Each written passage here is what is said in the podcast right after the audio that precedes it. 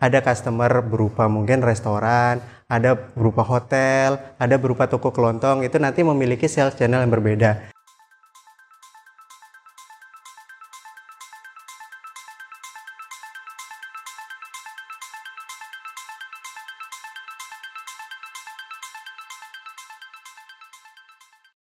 Halo pendengar setia LSCM Podcast, welcome to LSCM Podcast Season 2 bersama saya Rizky Revianto Putra. LSCM Podcast adalah sebuah platform di mana kita bisa belajar mengenai logistik dan supply chain management dengan ahli-ahli yang ada di dalamnya. Kali ini kita akan membahas sebuah industri yang sangat menarik karena industri ini sangat dekat dengan kehidupan kita yaitu industri air mineral dalam kemasan.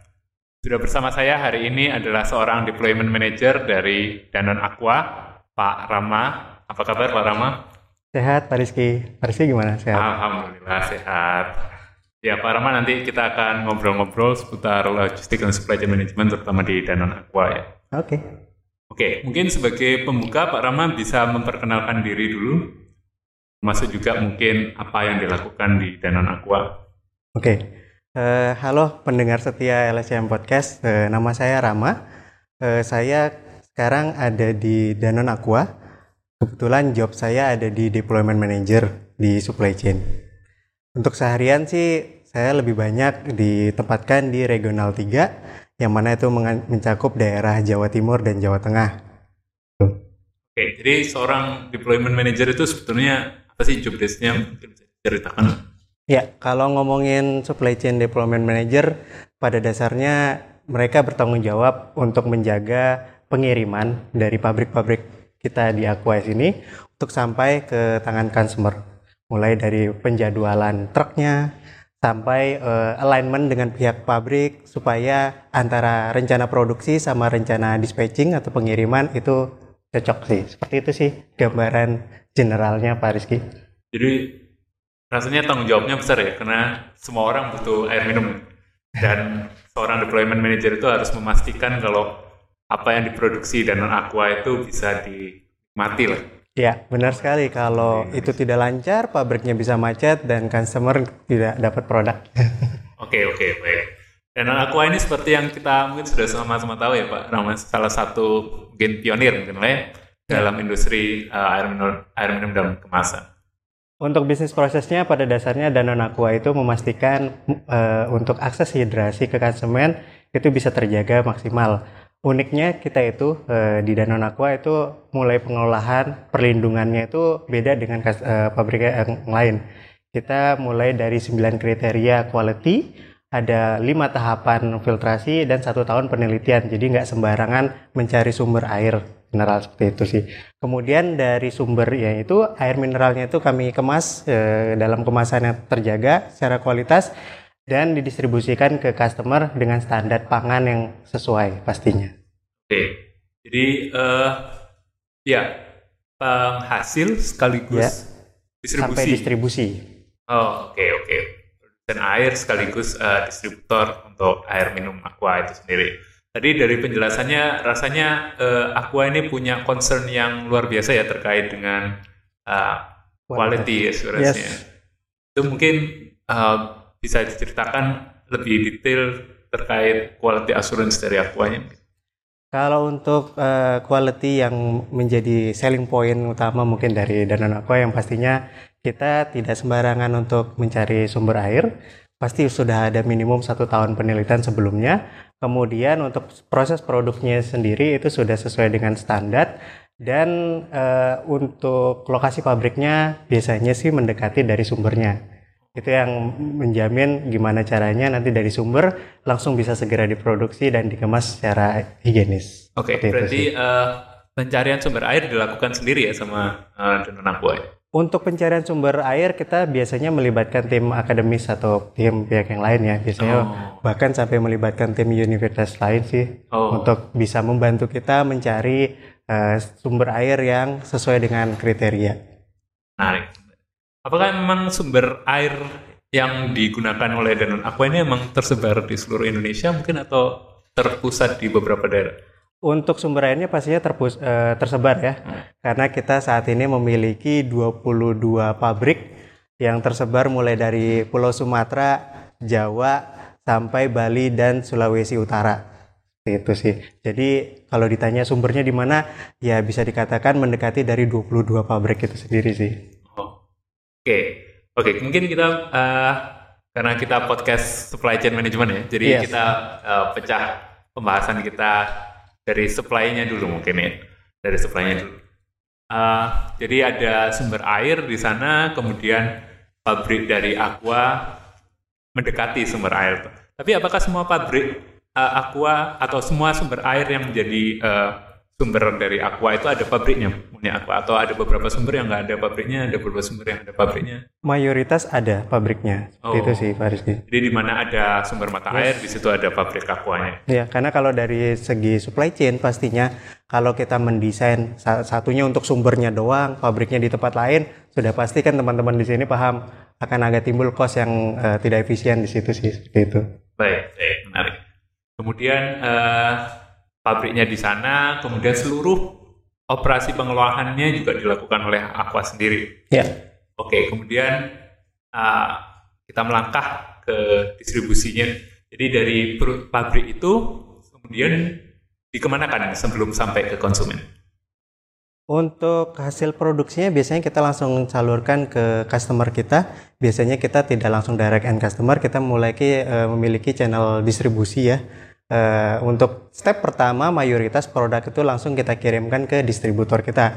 Sebagian juga kita kirimkan melalui channel distribusi yang dimiliki oleh uh, Danone uh, Aqua sendiri. Jadi kami punya depo yang dimiliki oleh kita dan juga memiliki uh, customer berupa distributor-distributor ini yang tersebar di seluruh Indonesia. Oke, jadi rasanya uh, uh, Pak end consumer itu bukan konsumen langsung dari Danone Aqua ya. Yeah. Jadi lebih ke distributor satu, kemudian mungkin ada skema lain. Hmm, kalau untuk skemanya biasanya ada urutannya sih mulai dari distributor, wholesaler, nanti biasanya ada retail baru ke end customer. Uh, umum pada uh, skema FFCG pada umumnya sih sebenarnya. Oke. Okay. Uh, eh, tapi yang kita mungkin semua sering lihat ya, kalau uh, aku ini punya mungkin saya nggak tahu ada kerjasama khusus dengan rumah makan misalnya atau hotel itu apakah memang skema tersendiri atau bagaimana itu? Ya, selain channel distribusi kita juga punya sales channel. Sales channel ini biasanya tergantung dari uh, uh, customer yang kita punya ya. Ada customer berupa mungkin restoran, ada berupa hotel, ada berupa toko kelontong. Itu nanti memiliki sales channel yang berbeda kalau yang dijemputkan oleh Pak Rizky pastinya nanti setiap uh, customer kita, setiap sales channel punya metode atau uh, istilahnya proses penjualan yang berbeda dengan satu dengan sama yang lainnya. Itu sih. Oh, oke. Okay. Jadi uh, seandainya misal ada mm -hmm. uh, penjualan ke sebuah bisnis gitu ya, termasuk yeah. rumah makan, itu biasanya uh, mereka yang post sendiri atau secara aktif Aqua yang uh, mencari partner untuk uh, sales channel? Kalau untuk itu saya rasa sih bisa jadi keduanya sih. Tinggal nanti menyesuaikan uh, dari case-nya. Tapi mungkin dari sini kita open aja mungkin ada teman-teman yang tertarik untuk uh, menjual gue ya bisa aja nanti mungkin bisa menghubung yeah. nanti ke PIC yang bersangkutan. Iya. Yeah. Ya, soalnya saya kebayangnya uh, oke okay lah kalau bisnis besar gitu ya, tapi yeah. kita juga sering lihat di rumah makan yang lebih kecil, di warung itu kan juga banyak yang menjual aqua. Yeah. Jadi sebenarnya channelnya itu sangat luas sebetulnya. Yes, karena kita membuka sales channel yang uh, sesuai dengan karakter customer kita ya. Mulai dari yang uh, skala besar, skala bisnis sampai perumahan. Bahkan teman-teman di sini kalau misalnya tertarik kita punya sales uh, yang disebut dengan Aqua Home Service. Aqua Home Service ini memungkinkan untuk mungkin orang-orang rumahan yang punya lahan lebih bisa berniat untuk belajar uh, entrepreneur ya, menjual produknya itu bisa melalui sales AHS itu sendiri sih. Gimana? Iya, saya jadi keinget di di tempat saya yeah. di komplek rumah saya Pak Rama. Itu kayak ada semacam agen yeah, air minum benar. Itu termasuk itu ya berarti? Bisa termasuk itu. Oh iya, iya menarik. Oke. Okay. Belum itu mungkin bisa dijelaskan gimana caranya dari pabrik aqua itu didistribusikan ke masing-masing sama distributor atau uh, bisnis lain apakah pengirimannya itu dilakukan sendiri oleh aqua atau melibatkan pihak lain mungkin? Ya, Untuk uh, mulai dari diproduksi pastinya kita sudah punya rencana produksi sebelumnya yang sudah disesuaikan dengan angka forecast dan segala macam. Dan kemudian pabrik melakukan produksi horizon planning kita biasanya weekly. Nanti weekly uh, dijalankan produksinya dan kita di deployment itu bertugas untuk membuatkan jadwal jadwal gimana caranya nanti setiap truk yang akan mengambil ke pabrik ini bisa sesuai dengan jadwal untuk proses pengirimannya sendiri beragam ya tergantung dari tadi distribution channelnya sendiri. Kalau bisanya ke distributor, mayoritas memang nanti menggunakan truk dari rekanan kita di distributor. Kalau untuk pengiriman uh, ke TV nanti bisa kita biasanya melibatkan dengan vendor transporter sih seperti itu. Hmm. Tadi saya sempat dengar ada proses forecast mungkin gimana bisa dijelaskan uh, proses forecast yang biasa dilakukan aku mungkin sedikit Ya, untuk proses forecast pastinya di dari segi supply chain itu sangat krusial ya Rizky. Karena proses forecast tidak melulu soal produksi aja, tapi gimana caranya untuk kita merencanakan pembelian material. Nah, biasanya forecast itu sendiri nanti di breakdown ada yang long term, ada yang mid term, ada yang short term. Biasanya nanti di breakdown akan kita koordinasikan dengan berbagai pihak. Dari yang angka yang long term turun ke mid dan short, itu akan dikoordinasikan dengan berbagai pihak mulai dari pabrik, sales, dari marketing dan segala macam. Hal itu nanti kita pastikan eh, bagaimana nanti strategi dari masing-masing departemen ini bisa terakomodir secara maksimal. Pastinya nanti eh, mulai dari horizon tertentu itu akan di freeze ya biasanya planningnya. Kalau di supply chain kita mengenal ada biasanya eh, horizon yang di freeze. Jadi itu nanti supaya tim pabrik atau tim supply chain kita bisa memastikan produknya ready, materialnya ready dan kita sudah siap untuk memproduksinya. Seperti itu sih gambaran ya. Ya menarik ya. Apalagi air minum lah, mineral uh, water itu sebuah komoditas yang sangat common ya, sangat fungsional. Ya. Uh, demandnya juga pasti ada secara konstan. Jadi ya oke okay lah. Forecastnya emang komprehensif gitu. Kemudian uh, ya tadi uh, kita bicara tentang channel-channel uh, penjualan dari Danon apa? Ah, sebentar, sebentar, sebelum itu mungkin produknya dari Danon sendiri hanya aku aja. Untuk produk itu sendiri, uh, saya mungkin kenalin brandnya ya. Brand kita kita punya tiga brand utama untuk di Danon Aqua. Itu biasanya ada pertama Aqua sudah pasti kenal ya. Kemudian brand Fit yang biasanya warnanya merah. Dan juga brand Maison itu untuk uh, brand hidrasi kita. Itu. Jadi oh, tiga okay. itu sih. Oke. Okay. uh, ada tiga ya uh, ya brandnya ya tadi saya tertarik ada Fit juga Fit itu juga uh, brand air mineral ya ya uh, ya apa tujuannya dari Danon Aqua menciptakan atau memproduksi dua brand yang secara head to head akan bersaing? Karena antara dua brand ini punya tujuan atau selling point yang berbeda. Oke, jadi uh, punya positioning yang berbeda kurang ya. lebih ya.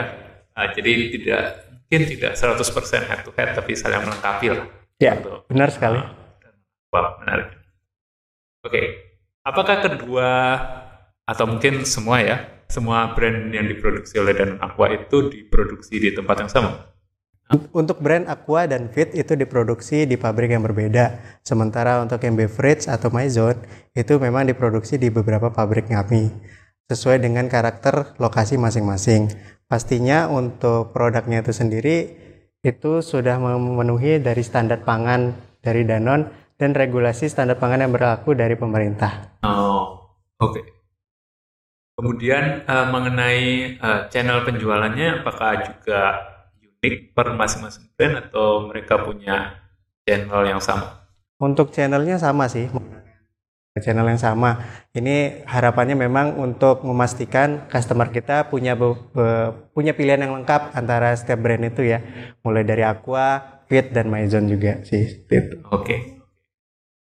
Ya, kayak jadi kalau yang saya bayangkan ya Pak, mungkin bisa diklarifikasi. Uh, penjualan dalam kemasan seperti uh, botol, maksudnya botol plastik yeah. 600 ml